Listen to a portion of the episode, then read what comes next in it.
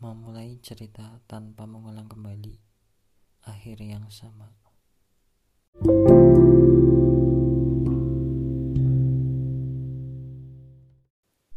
Hai, kali ini saya akan membahas tentang bagaimana caranya kita memulai suatu lembaran yang baru atau suatu cerita yang baru.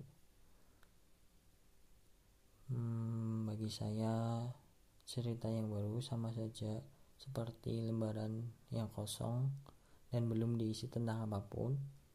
Dan yang pastinya tidak perlu membawa cerita lama yang telah usai.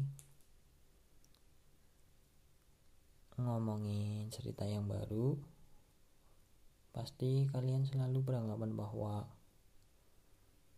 untuk memulai cerita yang baru harus ada sosok yang bisa kita tuliskan ke dalam cerita tersebut.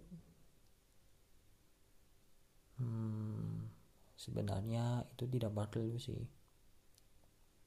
Jika seperti itu, sama saja kita selalu menaruh harapan kepada orang lain untuk bisa masuk ke dalam lembaran cerita yang akan kita tuliskan.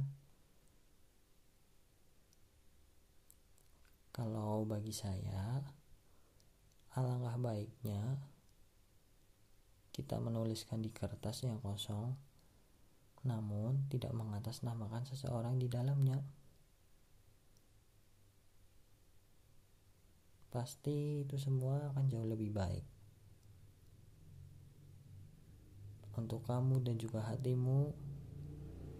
Gak hanya itu saja, kita juga sama saja sedang belajar untuk berharap kepada semesta daripada kita harus selalu menaruh harapan kepada orang lain.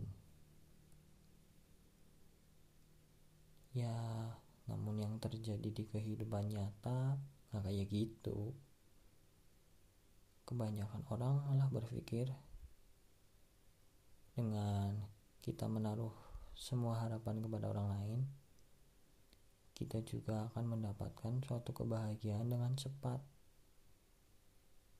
Bisa juga untuk mendapatkan segala sesuatu yang kita inginkan tanpa memikirkan hasil buruknya seperti apaan. Nah, kalau kalau misal itu semua berhasil mah nggak apa-apa sih. Tapi kalau semua itu gagal lalu apa yang akan diperbuat oleh ntar ya selain kamu akan merasa kesal dan kecewa dan pastinya akan menyalahkan semesta ya begitulah keanehan yang ada di diri manusia. Terkadang yang diinginkan hanyalah suatu kebahagiaan saja,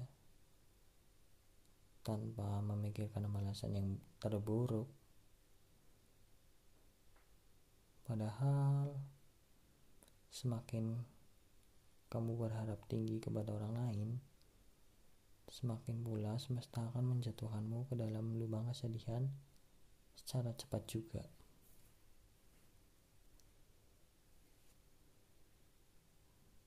Apalagi sudah jelas-jelas kalau manusia bisa dengan mudah mengingkari hal apa pun itu, tetapi kamu masih saja berharap kepada mereka-mereka. Bagi saya sih, tidak usahlah seperti itu. Apalagi menyalahkan semesta ataupun waktu. Mendingan salahin saja diri sendiri. Kan pada dasarnya semua yang dimulai dari diri sendiri juga bukan dari orang lain. Dan perlu kamu ingat bahwa masih ada waktu iya waktu yang akan menentukan bagaimana perjalanan hidup kamu. Lagi pula hidup ini yang menanggung semua bentuk perasaan bakal dari diri sendiri.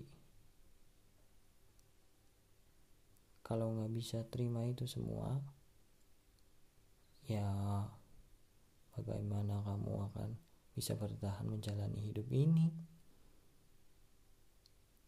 yang penuh lika-liku di setiap detik waktu yang berputar pada jarum jam.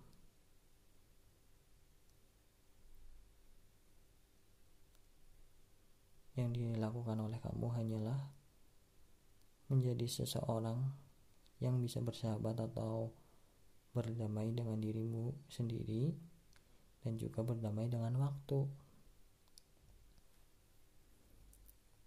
agar kamu tidak merasakan rasa sakit di setiap akhir dari lembaran cerita yang akan kamu tuliskan.